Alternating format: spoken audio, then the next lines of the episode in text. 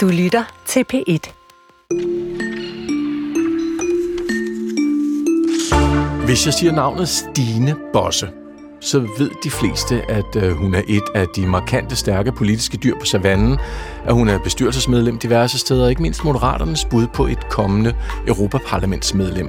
Men derudover så har Bosse stor kærlighed til kunsten og kulturen, og især en kvinde, som hun føler stærkt for. Og hvem det er, det afslører vi om 10 minutter. Uh, der var proppet med kulturtyper og VIP-personer i morges på Charlottenborg i København. Her var kulturministeren nemlig til kaffeklubmøde, og der var fokus på, hvordan kunstnere kommer til reelt at kunne leve af det arbejde, de laver. Vi var forbi med den helt store fine mikrofon, og du kan høre resultatet til sidst i den her time. Det er, det er jo så kulturen, og vi begynder med lidt guf for bogormene. I studiet der står stadig Linnea Albinus Lande og Jesper Dein.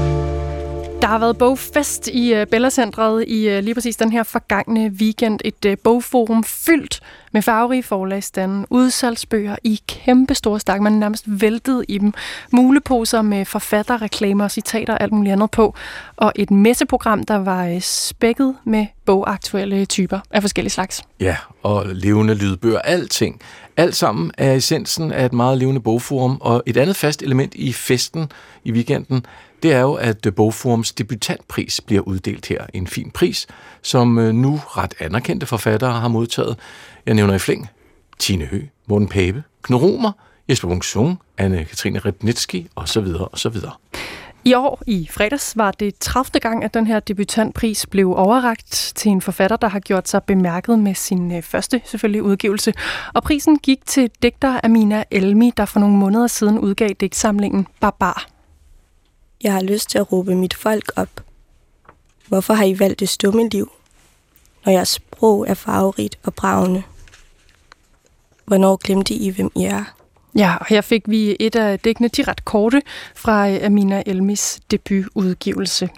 Jury forperson, sådan en er der selvfølgelig. Gro Frank Rasmussen er navnet, motiverede prisen og sagde blandt andet, at, citat, Amina Elmi simpelthen gør sproget større. Og juryen motiverede også med ordene, bare Ja, den kan du tage. Nej, nej. Barbar er en eksplosiv debut. En usmykket, frygtløs insisteren på at skære igennem tavsheden. For, som Elmi skriver, hvad er poesien til for, hvis ikke den kan bære alle vores grusomheder, søster? Og det var det, jeg ville høre dig sige, Jesper Dein. Nå, og videre skriver de også, eller siger hun, at Elmi skriver med en moden autoritet, en uovertruffen sikkerhed, så man skulle tro, at hun slet ikke var debutant.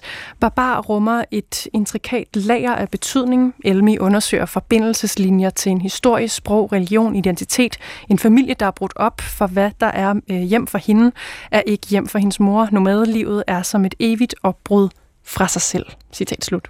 Sådan sagde altså jury for personen Gro Frank Rasmussen i forbindelse med overrækkelsen af debutantprisen til Elmi. Før vi hører øh, hendes egen stemme, så snupper vi lige lidt baggrund om Elmi. Hun er født i Somalia i 1994, kom som treårig til Danmark til Aalborg, og efter gymnasiet blev hun mere og mere interesseret i islamisk feminisme, så som 23-årig tog hun til København, fandt et øh, fællesskab i en øh, kvindedrevet moské, Miriam moskeen i øh, det indre København. Og i øvrigt, så kom hun ind på forfatterskolen, også i København, og blev færdig derfra tidligere i år, næsten samtidig med, at øh, den her digtsamling Barbar udkom. Og med den digtsamling har hun været meget optaget af at give dansk somalier, den største afrikanske gruppe i Danmark i øvrigt, en renaissance, som hun siger. Der mangler synlighed. Dansk somalier skal turde drømme at tale, siger hun altså Elmi, i stedet for at leve et stumt liv. Altså på mange måder er det jo meget provokerende at kigge på andre og sige, at nogen lever et stumt liv. Øh, det er jeg udmærket klar over, men jeg tror også på en eller anden måde som forfatter, skal man også ture gå derhen, hvor man kan prikke lidt på en eller anden måde. Øh, og der er jo heller ikke noget, jeg, jeg gør, som, øh, som ikke fortæller noget om mit eget liv på en eller anden måde. Øhm, men med det stumme liv, så mener jeg bare det her med, at øh, først og fremmest, at Somalia har været, den Somalia har været stigmatiseret gruppe øh, i meget, meget lang tid her i, i Danmark. Øhm, og det føler jeg ligesom har ført til en eller anden form for sådan lammelse, eller sådan det der med, at man ligesom ikke enten kæmper imod, eller siger fra, eller øhm, øhm, ja, på den måde ligesom reagere på det. Når, når du skriver det her med, at I, altså dansk somalier, eller somalier i det hele taget, har mm. glemt, hvem I er. Ja. Hvad ligger der så i det? Altså, hvad, hvad, hvad mener du, når du skriver, at, at, at nogle mennesker har glemt, hvem de er? Først og fremmest er det også på en eller anden, altså det er også en kommentar, eller sådan, jeg vender det om, øh, altså det udtrykker også noget forældregenerationen, som der, der bruger øh, til unge mennesker, øh, altså til deres børn og så videre i lokalsamfundet. Øh, det der med, hvis de har en fornemmelse af, at man bliver for dansk, så bruger de ligesom det udtryk, som hvornår har I glemt, hvem I er, kan I ikke huske jeres rødder, alle de her ting. Øh, og så er det ligesom også et spil på det, ligesom at vente om, og så sige, og kigge på dem og sige, hvornår har I glemt I, hvem I er? Altså, der er så meget, der øh, jeres sprog indeholder, og, altså den poesi og den, altså det liv på en eller anden måde, øh, har bare øh, har bare stået stille i Danmark. Og det vil jeg gerne sådan opildne og opfordre til, at man viser og omfavner og står ved. Mm. Det der med, at man ikke, øh, man ikke siger fra, for eksempel, når man, øh, når man bliver udstillet i medierne. Øh, altså bare under corona, så var det også et kæmpe problem, at en dansk gruppe øh, altså holdt en begravelse. Så det vil sige, at selv øh, sorgen øh, og på gravpladsen, så bliver, så bliver det også politisk. Altså, så, så bliver man også set som politiske størrelser. Så er man ikke bare mennesker, der begraver nogen, de holder af. Og det er sådan nogle ting, øh, jeg gerne vil kigge på, uden at øh, jeg har et mål for, at, at jeg eller min bog, eller på den måde skal læse, læses ind i en eller anden politisk øh, øh, kontekst. Øh, men det kan jeg jo heller ikke styre, og det må folk selv om, for at være helt ærlig. Hmm.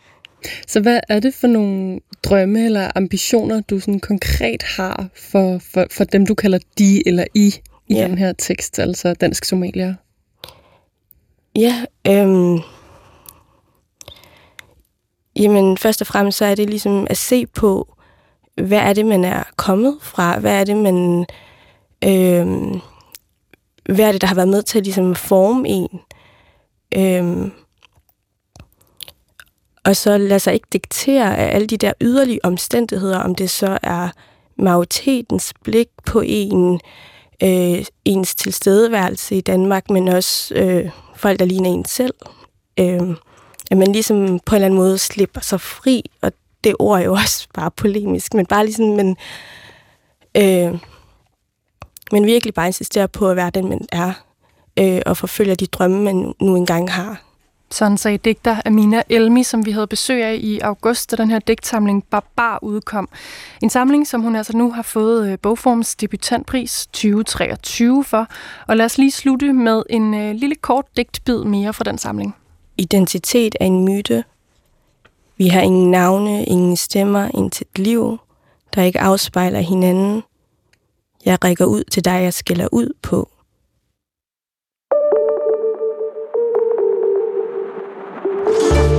Nu skal det handle om kærlighed, relationer, eventyr og drømme. I vores serie, hvor kulturpersonligheder fortæller om deres rollemodeller, modeller hedder det, har vi i dag erhvervskvinde, Moderaternes øh, Europaparlamentskandidat Stine Bosse på besøg. Hvem hun valgte som sit kunstneriske forbillede, det får du svar på her, hvor hun øh, indleder med at fortælle, hvor lang tid hun brugte på at øh, finde den helt rigtige. Ikke ret lang tid. Altså, jeg tænkte også på nogle nutidige kunstnere. Jeg har været meget øh, optaget af Knavsgaard, som jeg har kæmpet mig igennem 2.000 sider i sommer i mit hus i Sverige. Jeg var tur ikke at læse det om aftenen, for det var så sindssygt uhyggeligt. Altså Karl Ove Knavsgaard ja. med min kamp. Ja. Mm. Men så tænkte jeg, nej, Altså, det er for, det er for øh, nutidigt, så det er for her og nu. Hvem er det, der virkelig, hvis jeg skal mindes en person, forfatter, der virkelig har gjort indtryk på mig. Øh, det kunne også have været en billedkunstner, skal jeg skynde mig lidt at sige, men det, men det blev så. Hvad det blev. Hvad det blev. Og inden vi kommer til navnet, ligger det til dig og lade dig inspirere af andre. Altså øh, læse noget, se noget, høre noget, og så på en eller anden måde få det aftryk i dig? Hele tiden, og det er altså vidderligt ikke altid, jeg kan huske det. Og jeg kan også have svært ved at huske navne og, og sådan noget, men, men altså, der er film, jeg har set, der er bøger, jeg har læst, der er teaterstykker, jeg har set, som, som jeg ved har været med til at rykke mig. Og, øh, og jeg er jo så sindssygt nysgerrig. Altså, jeg er også, jeg er også nyhedsnysgerrig. Men øh, nu skal jeg altså ud og se den der Pussy Riot øh, udstilling på Louisiana. Mm. Øh, det skal jeg bare. Og jeg håber, at jeg kan lokke mit ældste barnbarn med, for jeg vil så gerne se den sammen med hende. Jeg vil så gerne hele tiden have den der optik fra nogle unge mennesker. Hvad er det, de ser, jeg ikke ser? Ja. Øh, og øh, ja, så det er, det er mig en nødskal. Jeg suger til mig. Mm. Skal vi, øh, skal vi afsløre det? Det kunstneriske forbillede, sin navn er Stine Bosse. Det er Karen Bliksen. Og hvorfor blev det Karen Bliksen? Jamen det er fordi, at, at man kunne vælge mange, og som sagt, der er også nogle mere øh, nutidige forfattere, som jeg også synes, jeg kan på en eller anden måde forbinde mig til, både danske og udenlandske, men der er noget i hendes liv, og det fandt jeg faktisk først ud af, da jeg sådan... Altså, jeg har jo læst de der obligatoriske i gymnasiet. Mm. Øh, så for nogle år siden, så var der et eller andet, der sagde mig, øh, efter nogle oplevelser, dem skal jeg nok komme tilbage til, at jeg blev simpelthen nødt til at finde ud af noget mere. Og så øh, igen også, det er sådan mit sommerferie øh, rit der, så, så, så valgte jeg at læse hele det der lange, lange, lange, jeg tror det er fem bind med hendes breve. Karen Bliksen i Afrika af Marianne Jul og Marianne Wierenfeldt Asmussen, ikke? Ja, og, og det var simpelthen, altså jeg var sådan helt øh, på en eller anden måde suget ind i noget liv og noget følelser og noget op- og nedture og så videre, som jeg øh, øh, jo så også godt kunne genkende og tænkte, hold da op, der er nogle noter i det her. Der er noget, som, jeg, som virkelig ringer en klokke. Og så øh, begyndte jeg, og det er jo så som sagt øh, kun nogle år siden, også ligesom at læse, jamen hvad var hun? Hvad, hvad, hvad bestod hun af? Hvad var hendes barndom? Hvad var hendes liv? Og så går det først op for mig, det jeg sent, hvor jeg egentlig har været fascineret et stykke tid, at der er bare nogle fælles kapitler i vores liv, som jeg virkelig kan mærke, hold da op, det rykker. Det glæder vi os til at, at høre om. Men skal vi, ikke lige, vi skal først lige have hende sådan op i bevidstheden, fordi øh, lige snart man hører hendes stemme, så ja. står hun jo lyst levende for en. Ja. Øhm, jeg har taget et klip her, hvor hun øh, fortæller om øh, forholdet mellem herskab og tjenestefolk. Jeg vil her i dag gerne tale om det særlige, elgamle fællesskab. Den enhed, eller den konstellation, som man kalder herre og tjener. Det er måske nu et forhistorisk fællesskab, og det er måske godt. Men hvilken malerisk rigdom har det ikke givet os ned gennem tiderne? I litteratur og kunst har det betydet langt mere end noget broderpar eller vanepar. Lige fra profeten Elisa og hans tjener Gehesi, gennem de romerske og græske komedier med slaver og herrer, Don Quixote og Sancho Panza, Kong Lear og Narren på heden, Don Juan og Leporello, til vores egne Jeronimus og Magdalene over for Henrik og Pernille. Og lad så være, at tjenerens indsats som regel har været den største, så kunne han dog heller ikke helt undvære sin herre. Han behøvede ham for ret at kunne udfolde sit væsen. Hmm. Ja, hun kalder det selv sådan lidt forhistoriske betragtninger. Hvad, hmm. hvad hører du her? Altså for først så hører jeg den der stemme. Jeg synes, den er sådan fuldstændig meditativ. Jeg kan blive helt, øh, ja, det er meget, meget. Altså, og hun er jo i vores optik utrolig affekteret at høre på. Ikke? Altså man tænker jo, hold da op, er hun kartoffel i munden? Ikke? Mm. Men, men på en eller anden måde, den der, dis, altså hendes, dit, hvad hedder det? Distinkte. Distinkte måde at tale på. Jeg er bare vild med det. Men jeg hører jo også det der med, altså hun, at også når man så ved, hvad der skete i Afrika, øh, hele hendes skæbne på en eller anden måde, hvor hun jo i den grad håner og tager afstand fra den måde, de britiske kolonialister, og dem hun jo ellers skulle forene sig med, den måde, de behandler folk på, folkene, dem, der arbejdede for dem, tjenestefolkene, og så den måde, hun jo var, havde meget tættere på, og havde totalt, altså i min optik, gensidig respekt. Og selvfølgelig er det, at det ikke er rigtigt i mål i nutidens alen, fordi der var jo et, et, et over- og underordnelsesforhold. Men hold da op, hun, hun respekterede dem, og hun var, hun var så jo fuldstændig bevidst, og også hvor afhængig hun var af dem. Og det er jo også det, jeg synes, hun fortæller her, at det afhængighedsforhold, den stærke relation, der er imellem herre og, og tjeneste øh, personale, ikke? Øh, at, at den har også kunnet noget, øh, og at... Øh, hun er jo så også bevidst om, at det er fortid. Øh, det vil jeg godt stille nogle spørgsmålstegn ved, om det er rigtigt, fordi jeg tror sådan set, at relationerne består bare i nye konstruktioner. Øh, men, øh, men jeg er sikker på, at hun, at hun virkelig som person anerkendte de mennesker, som befandt sig i nogle andre livsvilkår end hun selv. Altså på en anden hylde, hvis ja. vi skal kategorisere det. Og det kan vi vel godt, som du også selv er inde på, lære lidt af i dag? Det kan vi i den grad lære noget af i dag, og det synes jeg, hun, øh, der tjener hun også til, øh, til meget stor inspiration. Og der vil jeg bare sige, den måde, hun beskriver de der engelske upper mm. det er i sig selv øh, virkelig skønt.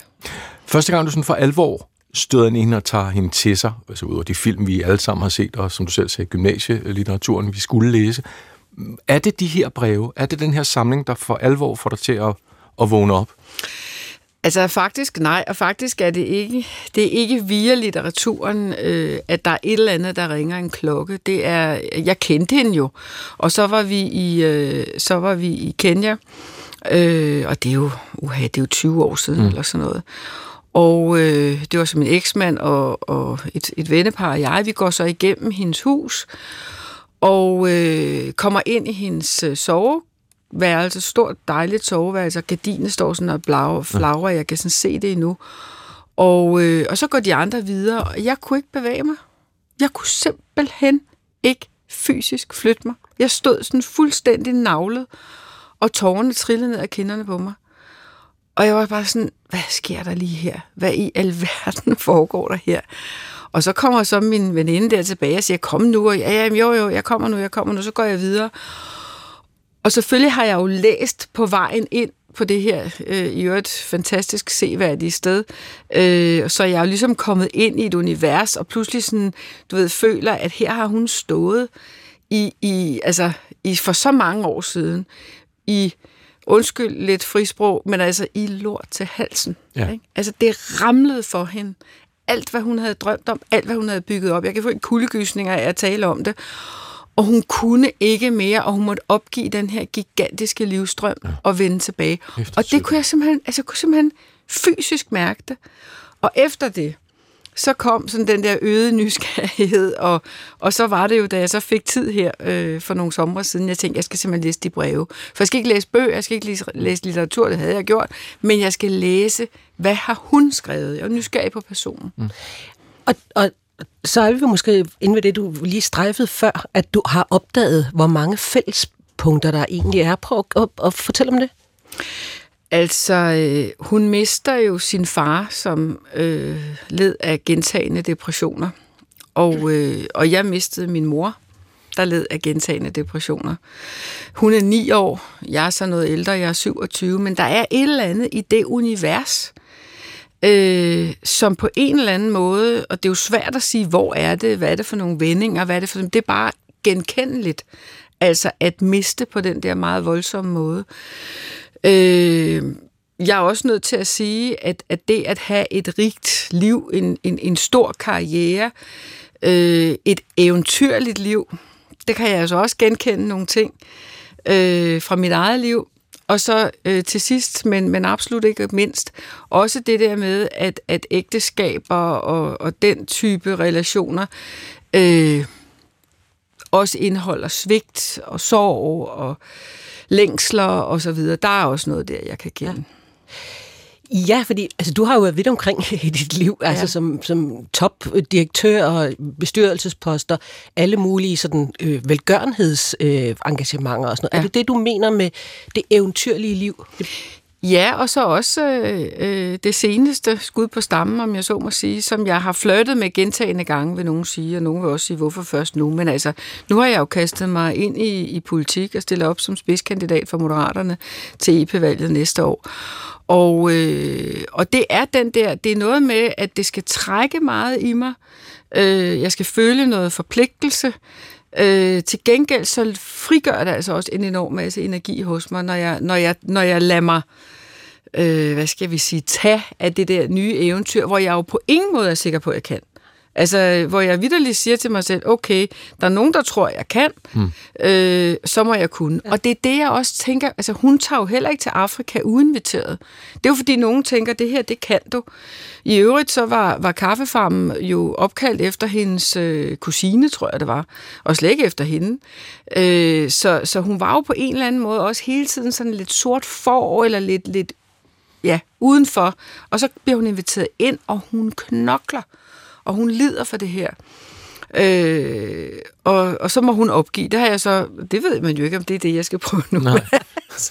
men det ved men, man jo men det har jeg, det ved man aldrig. Men, men, men, men de der kæmpe kriser har jeg jo mødt øh, gennem livet. Øh, ting og sager, hvor jeg også var i tvivl, om jeg kunne mit job. Og ja, og det, øh, ja, det kan det er jeg sjovt, bare genkende. Jeg, jeg kommer til at tænke på, sådan i den, i den senere tid har vi på, på forskellige vis øh, beskæftiget os med eventyr altså, ja.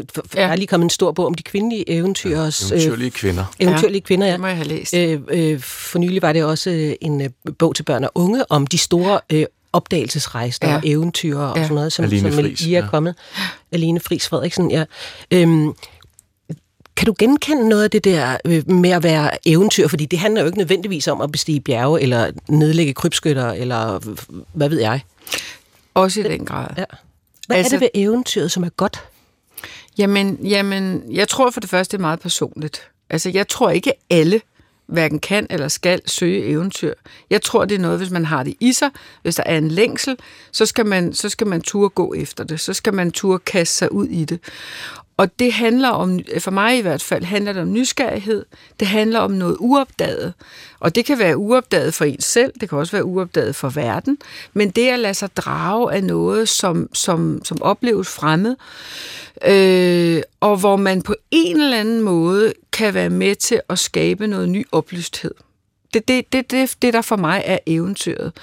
Og, øh, og, og, og eventyr, det kan selvfølgelig også være fortællinger osv., osv. men, men, men, men den der opdagelsesting, der tror jeg, det er enormt vigtigt, og det er det, jeg synes, hun gør, det er det, jeg synes, hun kan, det er det, jeg synes, hun er modig nok til. Hun skriver ganske vist nogle gange under pseudonym, men, men, men lurer mig om ikke også, at det har haft et element af eksperiment for hende. Mm. Og ligesom, går det, hvad går bedst her, når jeg skriver på den her måde, i det her pseudonym, eller når jeg gør... Altså, det tænker jeg, mm. at sådan har hun været som person. Hun har simpelthen været eksperimenterende med, med sig selv og sit liv øh, i en helt øh, fantastisk grad.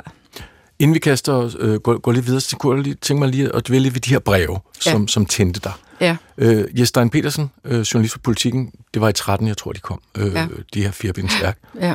Hæfter sig ved, at det er, det er meget knavskovsk. Det afslører det essayisten, øh, Karen Bliksen, fortælleren, det giver hende nuancer, ja. som vi ikke har set før. Før ja. det var kunstneren, det var noget med en farm, ja. det var noget med konkurs, det var syfilis. Yes. Nu kommer der farver og striber på. Yes. Hvor moderne er hun? Altså, tænker du? Super moderne. Altså, som i, altså, og, og det er jo også derfor, hun er så stor forfatter, som hun er, at hun, hun, er, hun er eviggyldig.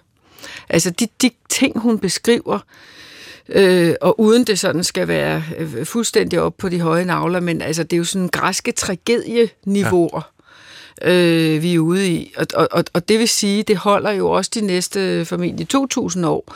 Altså når man bliver svigtet, når man oplever det, det er helt... Du mener aldrig, det holder op? Nej, af en eller anden årsag, så har jeg sådan en følelse af, at det er, at det er evigt. Øh, men også det der med, at, at når man er noget, man virkelig gerne vil, og man er virkelig knoklet for det, det tror jeg simpelthen, alle mennesker har prøvet, at så kan man ikke. At så lykkes det ikke. Mm. Og så må man leve, eller tage den der øh, nedtur, det nu engang måtte give. Øh, det er og væk også noget, som sagt, alle mennesker oplever. Og det, og det, det, det er det, hun på en eller anden måde inkarnerer. Jeg, jeg kom også til at tænke på, da vi havde aftalt med dig, at du skulle komme, og det, at du havde fortalt om det der med, med især med brevene. Ja. Så kom jeg også til at tænke på, at der er jo sådan lidt... Og man får altid nogle andre øh, indblik i menneskers liv, når man læser deres dagbøger, eller ja. de breve, de har skrevet, fordi det har haft en anden, mm. det har haft et andet formål ja. at skrive de ting ned. Og så kom jeg bare til at tænke på, vi burde faktisk skrive noget mere til hinanden. Mm, ja. Ja, altså, ja. Hvis ikke det koster hvad er der for eftertiden? Altså, der er jo ikke gemt sms'er og e-mails. Nej, altså, øh, det ved vi så ikke. Nej. Altså, jeg, jeg øh, var så heldig for nogle år siden at få, øh, hvad hedder det, Dannebrogsordenen af første grad. Og der har jeg lovet, jeg er stadig i gang med det, skal jeg så sige, til, til, til øh, hvad hedder det så, ordenskapitlet, tror jeg det hedder, som, øh, som så siger, nu vil vi meget gerne have, at du skriver ned, altså hvad er det, du har lavet, hvad har du, hvordan har du tænkt osv. Og vi vil også gerne bede dig om at give os adgang, den dag du ikke er mere, til alt. Øh, altså også, alt? Ja, sådan forstår jeg det. Uh, ja. Og det, det har jeg selvfølgelig gjort. Altså, det synes jeg næsten er en, en borgerpligt. Mm. Øh, og det, og det altså, der, der tror jeg, at vi vil finde ud af, at der gemmer sig også ja. ting, overvejelser, tvivlsspørgsmål osv. Men, men jeg har mange gange tænkt på, at det egentlig var ærgerligt, at jeg ikke besluttede mig for, hvad jeg gjorde, da jeg var helt pur ung, et par år, og fortsætte med at skrive dagbog. Det ja. skulle jeg have gjort, mm. men det gjorde jeg ikke. Nej.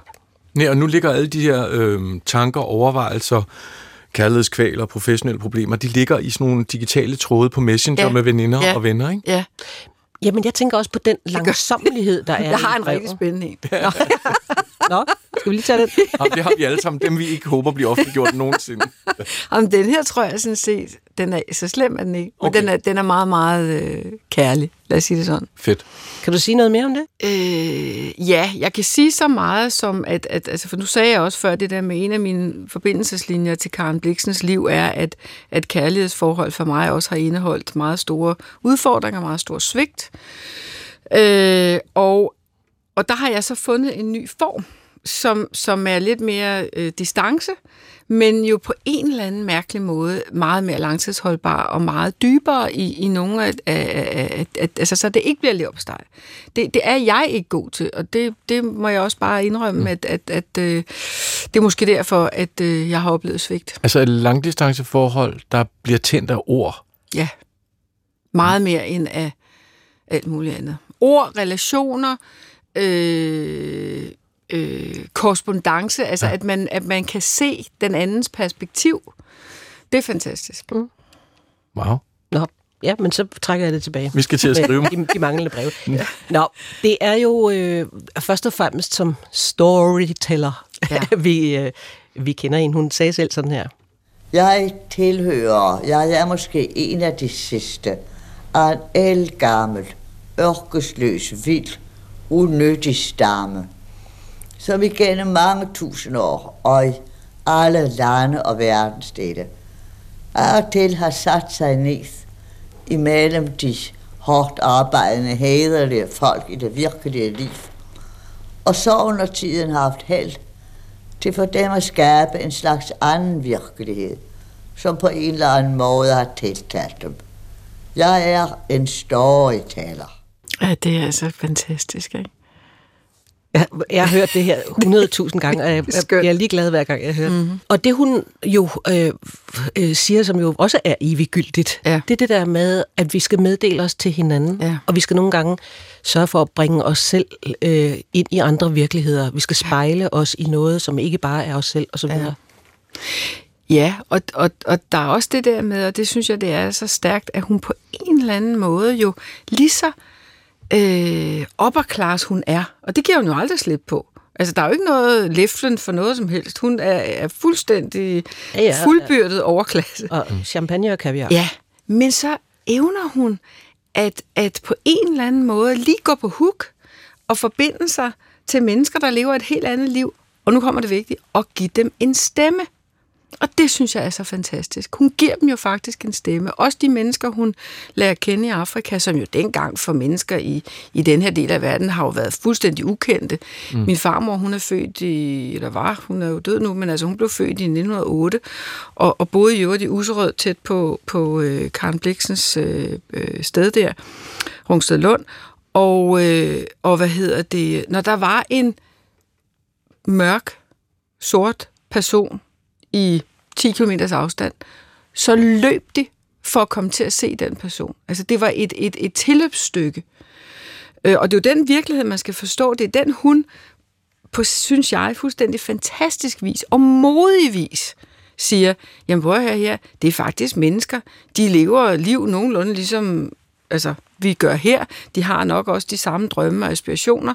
Øh, så hun er den første, der trækker, om jeg så må sige, øh, det kontinent tættere på os, som i øvrigt også, og nu er det så lidt, øh, øh, hvad kan man sige, øh, en, en helt anden kontekst, men alligevel, jeg synes jo, og det håber jeg må sige, at da Lars Lykke tager den der Kenya-skjorte på, øh, da, da han rejser hjem fra, fra Kenya, fra Afrika, det er jo det, der skal til. Altså ligesom hun gjorde det dengang, så skal vi nu til at lære at forstå, at mennesker lever på en anden måde, ja, mm. men altså grunddrømmene er de samme. Og der, der er hun jo altså også hundredvis af år forud for sin tid. Mm.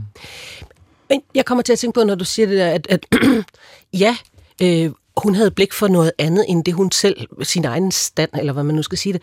Men, men ja, det må være svært. Du har jo selv færdedes blandt øh, virkelig privilegerede folk, selv ja. været det. Ja. Øhm, det kan vel godt være svært at undgå at blive privilegieblind, som vi kalder det nu om dagen. Altså, jeg, jeg læste et interview med en eller anden øh, søn af en meget kendt fodboldspiller her i dag, som sagde, hold da op, jeg er da også et helt almindeligt menneske, min hættetrøje, jeg kan da gå i en til 650 kroner. Og så tænkte jeg, øh, ja, Ja. Det er mange penge for nogen. Ja. Eller ja. da Lars Lykke synes, at sko, sko skulle koste 2.000 kroner, nu vi er ved ham.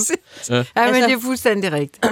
Jeg tror, man er galt på den, hvis man ikke indser, at når man nyder privilegier, øh, også bare dem, jeg nyder i dag, mm. så bliver man privilegieblind. Altså, jeg tror, man skal tage det som forudsætning. Og, og det tror jeg jo, at også hun har gjort i sin måde at tilgå øh, problemstillingen. Og så tror jeg, at man skal tvinge sig til at se andre perspektiver. Man skal opsøge mennesker, som lever andre liv. Man skal forstå, altså jeg havde på et tidspunkt øh, frygtelig vanskeligt ved at forstå, hvordan i alverden, at mennesker kunne bruge så meget tid på at læse tilbudsaviser. Noget af det mest kedelige stof, efter min bedste overbevisning. Man kunne læse så meget andet, indtil der var nogle gode øh, mennesker tæt på mig, der satte sig ned og forklarede mig, hvorfor. Det er faktisk fordi, at der er nogle mennesker, der lever med en økonomi, hvor det er ret afgørende, at de får de bedste til. Nå ja, selvfølgelig er det det. Altså det er sådan et meget, meget simpelt øh, eksempel. Ja. Men, men det er det, jeg tror, vi bliver nødt til at sige til os selv, at og jo mere privilegeret, jo vigtigere er det, at vi holder begge ben på jorden, at vi færdes. Og det er jo det, der er så fantastisk i vores samfund endnu. Jeg håber jo, det holder i mange generationer, at vi færdes blandt hinanden øh, uproblematisk. Men, men det fjerner vi os jo efterhånden mere fra. Der er, ikke, der er efterhånden øh, få vandværker tilbage, man kan sidde i bestyrelse. Ja. Altså, folk går i specialskoler og friskoler, bor i ghettoer, øh, både i den ene og, og den anden ende af samf- samfundslagene. Ja, jeg har, jeg har bevidst valgt lige modsat til stor diskussion i familien, fordi, jamen det er det faktisk. Øh, jeg bor i Helsingør, og det gør jeg præcis, fordi Helsingør er et mangfoldigt øh, sted på mange dimensioner. Jeg synes, det er langt mere spændende, langt mere inspirerende, langt rarere at bo i, end så mange andre steder, der ligger lidt tættere på København. Og det mm. siger jo ikke, fordi der ikke bor søde og rare mennesker der, det gør der også. Men de ligner hinanden.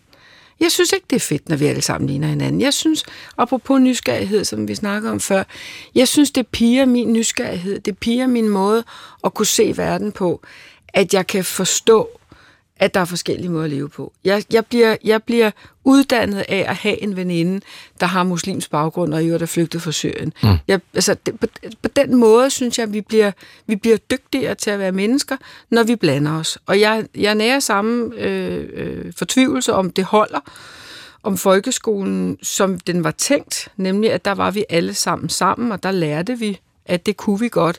Om det holder øh, de næste 50 år, jeg ved det ikke. Mm-hmm. Måske endda de næste 20 år. Stine Bosse, vi slutter altid de her, jeg elsker, med det samme spørgsmål. Mm. Hvis Karen Bliksen kom ind ad døren, ja. hvad vil du så spørge hende om? Oha. så vi vil alle tre være fuldstændig starstruck. ja, jeg vil, Helt stille. Jeg vil først bede om at få lov lige at sidde ned.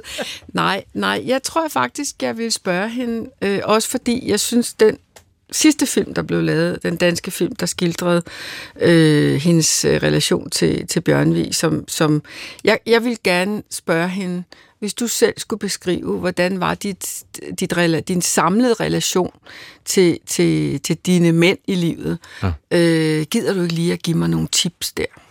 Det tror jeg, hun ville kunne. Og jeg tror også, hun vil have nogle synspunkter på de senere år af hendes liv, som ikke nødvendigvis korresponderede med den fremlæggelse. Det var erhvervskvinden og Europaparlamentskandidat for Moderaterne Stine Bosse, der her fortalte om sit idol og forbillede Karen Bliksen. Karen Bliksen voksede op i en musikalsk familie med violin, klaverspil og sang i den store dagligstue på Rungsted Lund, hvor den danske sangskat blev øh, hørt og spillet ud på de øh, ud til de, på de lune sommeraftener gennem en øh, åben havedør. Og i den amerikanske farm, der skriver Karen Bliksen Afrikanske. Om... Undskyld, jeg bliver nødt til at rette dig. jeg sagde ikke afrikanske? Jeg tror, du sagde amerikanske. Amerikanske. Jamen, den amerikanske afrikanske farm. Det er den, du ikke har læst. Mm-hmm. Øh, der skriver Karen, Karen Bliksen om den nye gramofon, som Dennis Fintatson har købt. Øh, det var en henrykkelse og en sødme i min tilværelse. Og i Bliksens verdensberømte fortælling Babettes gæstebud, der spiller musikken også en vigtig rolle. Operasangeren Monsieur Papa forelsker sig i den smukke og fromme Filippa og kommer til at kysse hende efter, at de havde sunget forførelsesduetten fra Mozarts Don Juan. Hele livet gennem der lyttede Bliksen til musik og for at fryde sig, for at menes, og til sidst også for at sige farvel til den her verden, der valgte hun at få spillet Hendels Wherever You Walk.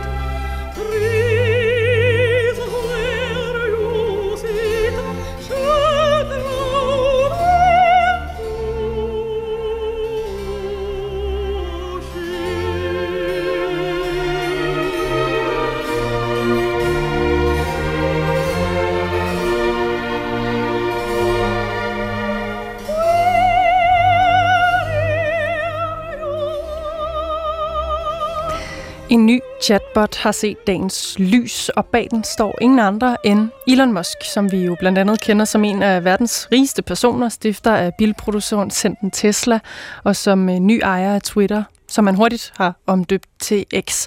Til dem, der ikke måtte vide det, så er en øh, chatbot sådan en form for software eller program, der har kunstig intelligens, som gør, at vi kan kommunikere med den. Man kan skrive spørge om nærmest hvad som helst, og øh, det er ikke en øh, hvilken som helst form for chatbot, som Elon Musk nu har øh, udviklet. For hans splinter nye chatbot, den hedder Grok, og den er udviklet af Elon Musks nye selskab XAI, der netop specialiserer sig i kunstig intelligens. Og da den nye chatbot blev lanceret i går, så blev den beskrevet med en smule forstand og et strejf af noget oprørsk. Ja, sådan en lille fræk øh, Berliner-chat med ja. læderjakke, der er intellektuel.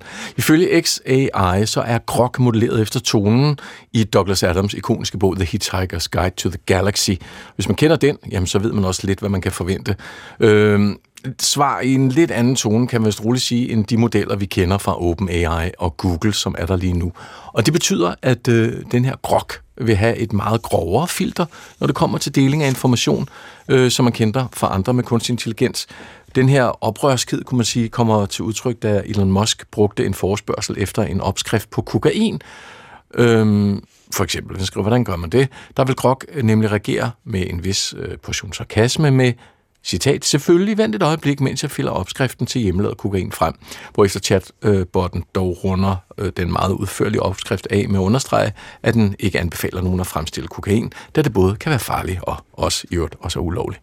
Lige nu er chatbotten stadig på prototypeplan, og den er i gang med at blive testet af af sådan en lille koncentreret gruppe, før den senere bliver lanceret til en bredere befolkning. Og i den forbindelse har Elon Musk allerede udmeldt, at Grok vil blive en del af en abonnementsløsning på det sociale medie X, som øh, Musk allerede har nævnt af et par omgange. Altså, at brugerne af X i fremtiden muligvis skal betale for at bruge appen. Og her vil Grok så muligvis også være en del af den her samlede pakke.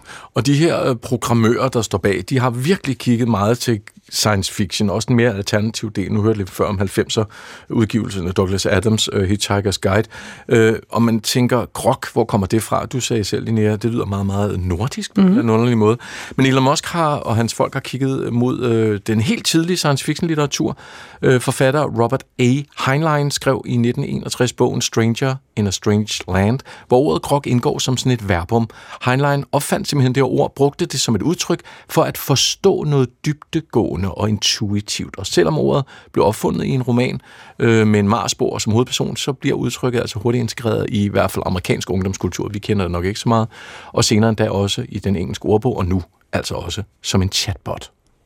Om Elon Musks nye chatbot øh, Grok kommer til at kunne forstå på et dybdegående og intuitivt niveau, eller på en måde, der er intuitiv, det ved vi ikke andet, end at det, øh, det må vi vente på at finde ud af. Glæder mig til at prøve den, faktisk. Ja. Lidt flippet udgave. Du kan godt lide, når der er lidt Ja, der må smæk. gerne være, ja, må gerne være lidt spas, jeg jo tænke mm. selv bagefter. Ikke? øhm, om morgenen er det nogle gange svært at tænke, men så kan man for eksempel tage nogle gange forbi Charlottenborg ind i København. Der holder de, der hedder kaffemøder om morgenen, hvor alle mulige mennesker holder oplæg om, hvad der nu rører sig i kulturens verden. Danske kunstnere for eksempel har svært ved at få enderne til at mødes, det ved vi jo, det taler vi tit om her. Og det viser forskningsprojektet Billedkunstens økonomiske rum fra CBS i 2018 også.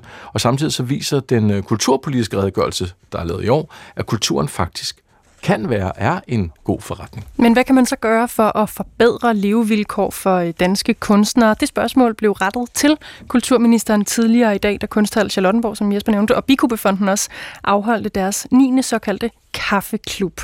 Og udover kulturministeren, så var der en masse forskellige kunstnere øh, til stede. De var inviteret til at fortælle om livet som kunstner i Danmark. Og vi sendte vores øh, reporter Anders Skytte af og gå afsted. Han har klippet lidt øh, højdepunkter sammen fra formiddagens kaffeklub. Men inden den begyndte, der spurgte Anders en af de inviterede, Rosemarie Frank, om der var noget, hun glædede sig til at spørge kulturministeren om. Jeg er jo ligesom som øh, billedkunstner, og det, der er min kæmpe store øh, daglige frustration, og øh, som også er grunden til, at jeg føler, at det er sådan nærmest dagligt ydmygende at være billedkunstner i dag, er, at indholdsskaberne hele tiden øh, overses i alle de kulturpolitiske samtaler, der er fordi det hele tiden kommer til at handle om publikum, inddragelse og kunst til børn og unge og institutionernes vilkår og bla bla bla bla. Så det, jeg godt kunne tænke mig at høre kulturministeren, det er, om han kunne forestille sig, at Åh, jeg er lidt nervøs, da vi går på lige om lidt heroppe. Ikke? Så, øh, men om han kunne tænke sig at tilføre flere midler direkte til indholdsskaberne i de statslige budgetter, fordi at i forhold til hans egen kulturpolitiske redegørelsesrapport, som kom ud her for et stykke tid siden, så er der ikke blevet tilført yderligere bevillinger til øhm, øh, kulturbevillinger de sidste 10 år.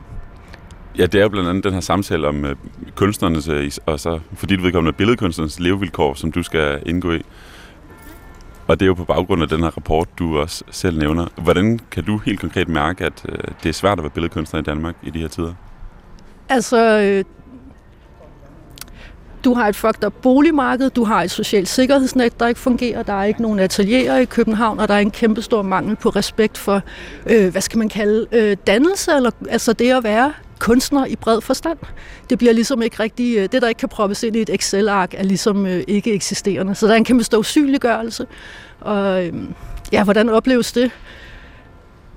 Altså, der er jo ikke tid og penge, og rum og plads til at lave god kunst nærmest mere. Det vil sige, det kommer til at handle meget mere om, om du har en familiebaggrund eller indgår i et partnerskab med nogen, som kan hjælpe dig økonomisk. Så der er også en social ulighed, som bonger ud i, hvem der overhovedet får en karriere. Mm.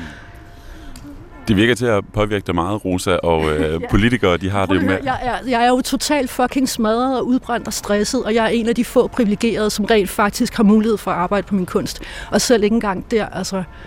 Altså, jeg har jo en timeløn, som svarer til, øh, hvad er det, en 16-årigs mindsteløn.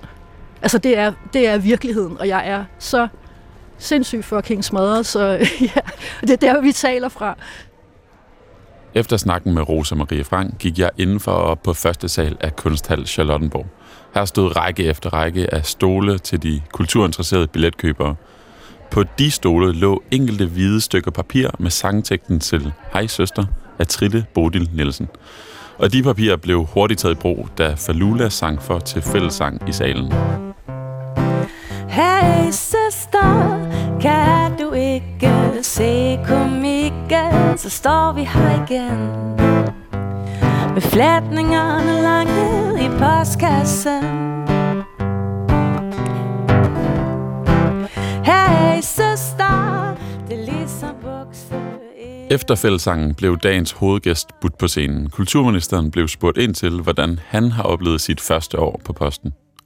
Jamen, som en helt formidabel rejse, men også en rejse med utrolig mange stop på stationer, hvor jeg både er blevet overrasket, er blevet klogere, har fået udvidet mit perspektiv og horisont, og også måtte træffe, synes jeg selv, nogle svære beslutninger. Det er jo sådan, at beslutninger bliver jo taget, når man møder op. Og, og politisk indflydelse er ikke sådan noget, man deler op i, i sådan nogle skiver, og så serverer øh, elegant på kollegaernes tallerkener. Man tager det, når man dukker op, og hvis man ikke kæmper for det, så går det et andet sted hen. Øhm, og Kulturministeriet har i mange år været relativt ignoreret i regeringen. Altså simpelthen været sidst i fødekæden rent politisk. Mit parti og jeg selv gik på, til valg på at ændre øh, kulturens stilling i samfundet. I en tid, hvor verden forandrer os helt, øh, helt enormt og forandrer sig omkring os, så tror jeg, tror moderaterne, at, at vi finder et fællesskab. Og det fællesskab har behov for en endnu stærkere kulturel ramme. Øh, man kan måske også sige, at kulturen er de mentale brosten, vi alle sammen går på i fællesskab. Efter et kort interview og snak med kulturministeren bød ordstyrer Lene Johansen velkommen til de første tre gæster på scenen. Sangerinde Falula, vicecenterleder i Kunsten som Forum, Cecilia Ullerup Schmidt, og så billedkunstner Rosa Marie Frank, som jeg også talte med, inden kaffeklubben den startede. Først fik Rosa Marie Frank ordet. Tanken er jo faktisk, at det er jer, der skal tale lidt med ministeren her, så jeg tænker, at øh, vi lægger ud med dig, øh, Rosa Marie. Vi har kaldt kunsten for et erhverv, og allerede der, der siger du, sådan ser jeg ikke på det. Nej. Øh... Hvorfor er det vigtigt at skælne? At det er fordi, der er forskellige former for kunst. Ikke? Og øh, den type kunst, som jeg øh, gerne vil slå et slag for, det er jo den, som øh, man ikke sådan øh, umiddelbart øh, sælger, men som der er et virkelig stort publikum til, og som der bliver produceret rigtig meget af. Øhm, og hvis man taler om det som et erhverv, erhverv er jo defineret som noget, man tjener penge på, altså noget, man sælger. Øh, et arbejde er en beskæftigelse, som øh, skaber blandt andet, øh, altså skaber ting, men også ånd. Så jeg vil hellere, at man talte om øh, kunsten som et arbejde i den øh, sammenhæng. Fordi at hvis du taler om det som et erhverv, så går du ind og siger, at du er en virksomhed, og så skal du arbejde hurtigere og mere effektivt og skabe flere værker for så billige penge som muligt. Og det er jo en anden form, altså det er der jo også nogle kunstnere, der kan, øhm, men det er ikke al kunst, der er der. Og hvis jeg bare lige må... Der var rigtig mange gode pointer, og ikke mindst god taletid. Så vi spoler lige lidt frem til, at ministeren kom på banen. Det er jo knækket lige nu. Altså de tal, som du siger, er jo fuldstændig horrible. Altså, og jeg, jeg vil være så meget, altså jeg, vil, jeg er så glad for, at du bruger ordet, og jeg håber så meget, at du vil øh, have rigtig meget mere fokus på øh, arbejdsvilkår. Punktum. Må man stille eksplorative spørgsmål, eller skal jeg helst det, lade være med det? Det må du gerne, men ellers så kommer der også øh, spørgsmål til dig bagefter. Nå, men hvis du lige har brug for at fange tråden her nu, så gør du det endelig. Men, men tusind tak. I, når jeg sidder over på Nybrogade og tænker over det, så kredser mine tanker om to forhold. Et, hvordan forpligter vi så øhm, den institutionskæde, der står for enden af fødekæden til at betale ordentligt? Det kan man jo gøre, når man er med til at lave et system om, der i forvejen ikke er blevet forandret. Det kunne man jo øh, gøre i forbindelse med en museumsreform. Det er jo sjovt, her på stedet, der er kønsbalancen øh, 60-33 i kvindernes favør. Når kunstnerne så kommer ud, så indkøber museerne 60% mænd, 40% kvinder. Ikke? Det er sådan noget, der offentliggør vi en lille undersøgelse omkring over i Det er næste panel, ja. Det, jo, jo, jo, jo, jo. Men, men når jeg nævner det, så er det jo også bare fordi, at når jeg sådan tænker over, hvor meget skal jeg så blande mig som kulturminister? Ikke? Når jeg så går ind og begynder at regulere... Og så den fortsat debatten i en halv time. Der kom blandt andet emner som unge kunstnere mod ældre kunstnere, pensionsordning for kunstnere og økonomien i en streamingtid på bordet. Men vi har desværre ikke tid til at høre det hele. Der skete nemlig noget, da Rosa Maria Frank i pausen skulle læse op fra hendes program, Rosas Reality Radio. Ja, og hvad der skete, lad os bare høre det, som det skete live i salen. Værsgo, Rosa Maria Frank. Tak. Er der ordentlig lyd her? Det er der. Jeg har lige fået øh, fem minutter. Kære kulturminister, Bikubefonden, Kunsthal Charlottenborg. Jeg er blevet nødt til at ændre lidt på det aftalte program, så jeg læser ikke tekster fra Rosas Reality Radio, men jeg skal nok holde tiden. Kære kulturminister, dette er en uopfordret ansøgning til at blive ansat som de nye mediestrategiske og kunstpolitiske konsulent. Det er skrevet i kærlighed. Jeg er ikke en piratfisk. Jeg er desperat. Det er grav alvorligt. Det er mit liv. Jeg er meget dygtig. Jeg arbejder meget. Jeg er en case. Jeg lever for 12.500 kroner efter skat i et knækket system fuld af penge. Og sådan fortsat værket i en fem minutters tid, inden det blev mødt med store bifald og efterfølgende Ja, en lille offentlig ansættelsessamtale mellem kulturministeren og Rosa Maria Frank og mediestrategiske konsulent. Jeg er helt alvorlig. Jeg har ikke noget at miste. Jeg er utrolig billig.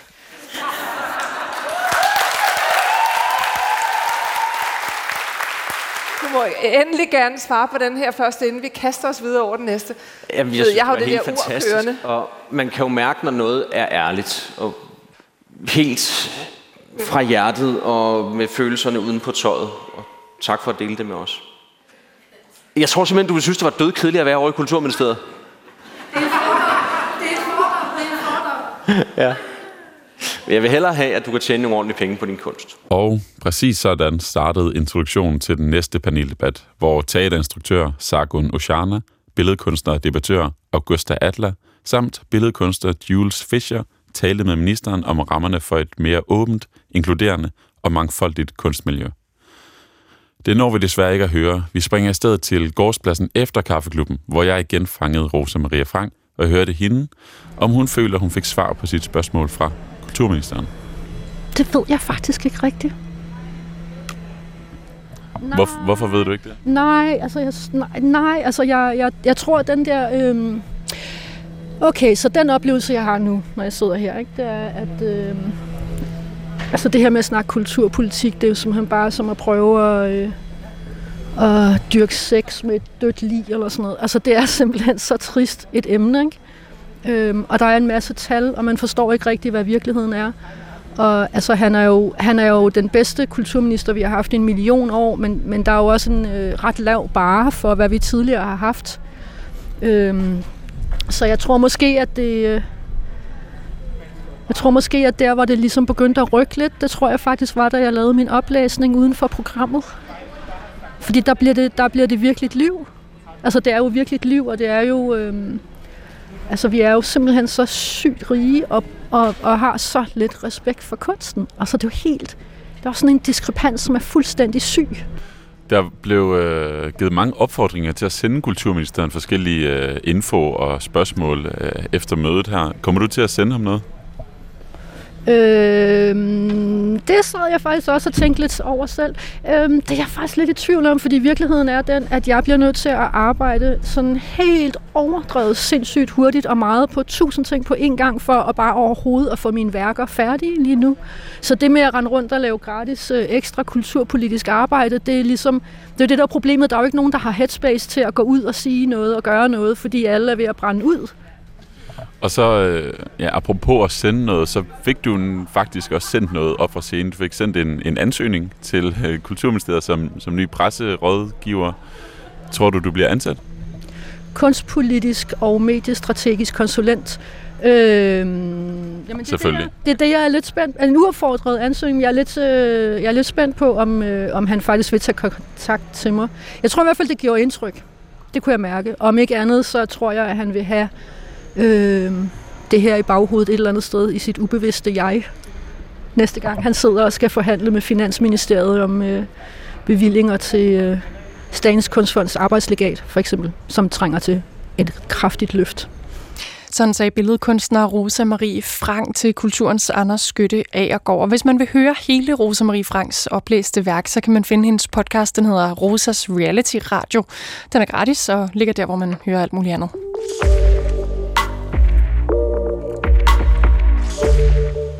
Lad os slutte med musik. Hvert år optages nye musikere i den her eksklusive og traditionsrige klub Rock and Roll Hall of Fame i USA. Og det er jo her, man finder de mest betydningsfulde kunstnere gennem tiden.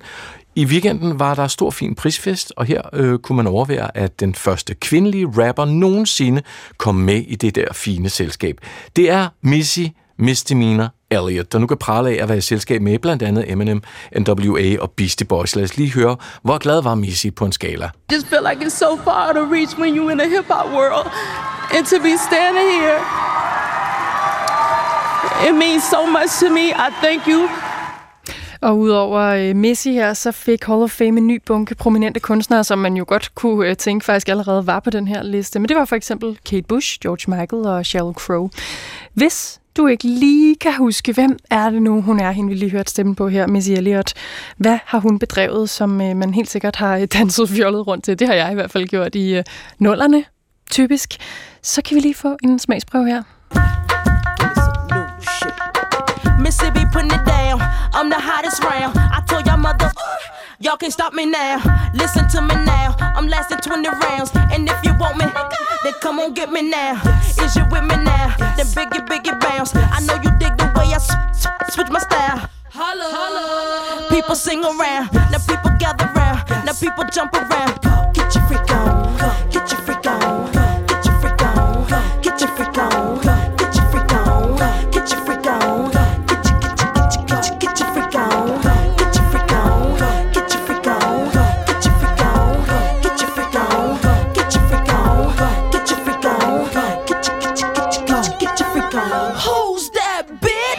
People you know. Me and Timberland been high since 20 years ago. What the dealio? Now what the drillio? If you wanna battle me, then let me know. Got the feeling, son. Let me throw you some. People, here I come. Now sweat me when I'm done. We got the radio shook like we got a gun.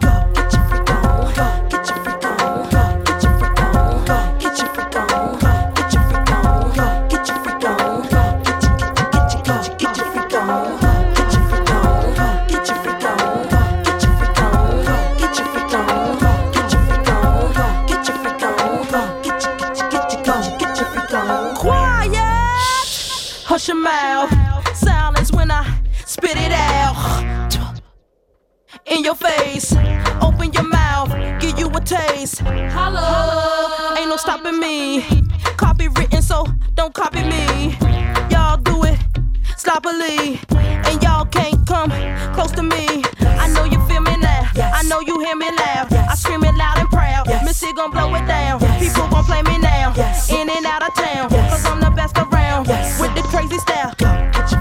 Kunne man forestille sig bedre lige ind til orienteringslyttere? Det tror jeg ikke. Det tror jeg heller ikke. Missy Elliott, de står og danser inde i studiet. Vil du have lov til at præsentere dagens hold? Dagens hold var Thomas Holmby Hansen. Han producerede programmet her i studiet af Jesper Dein og Linnea Albinus Lande med vores Freak On. Ha' det godt.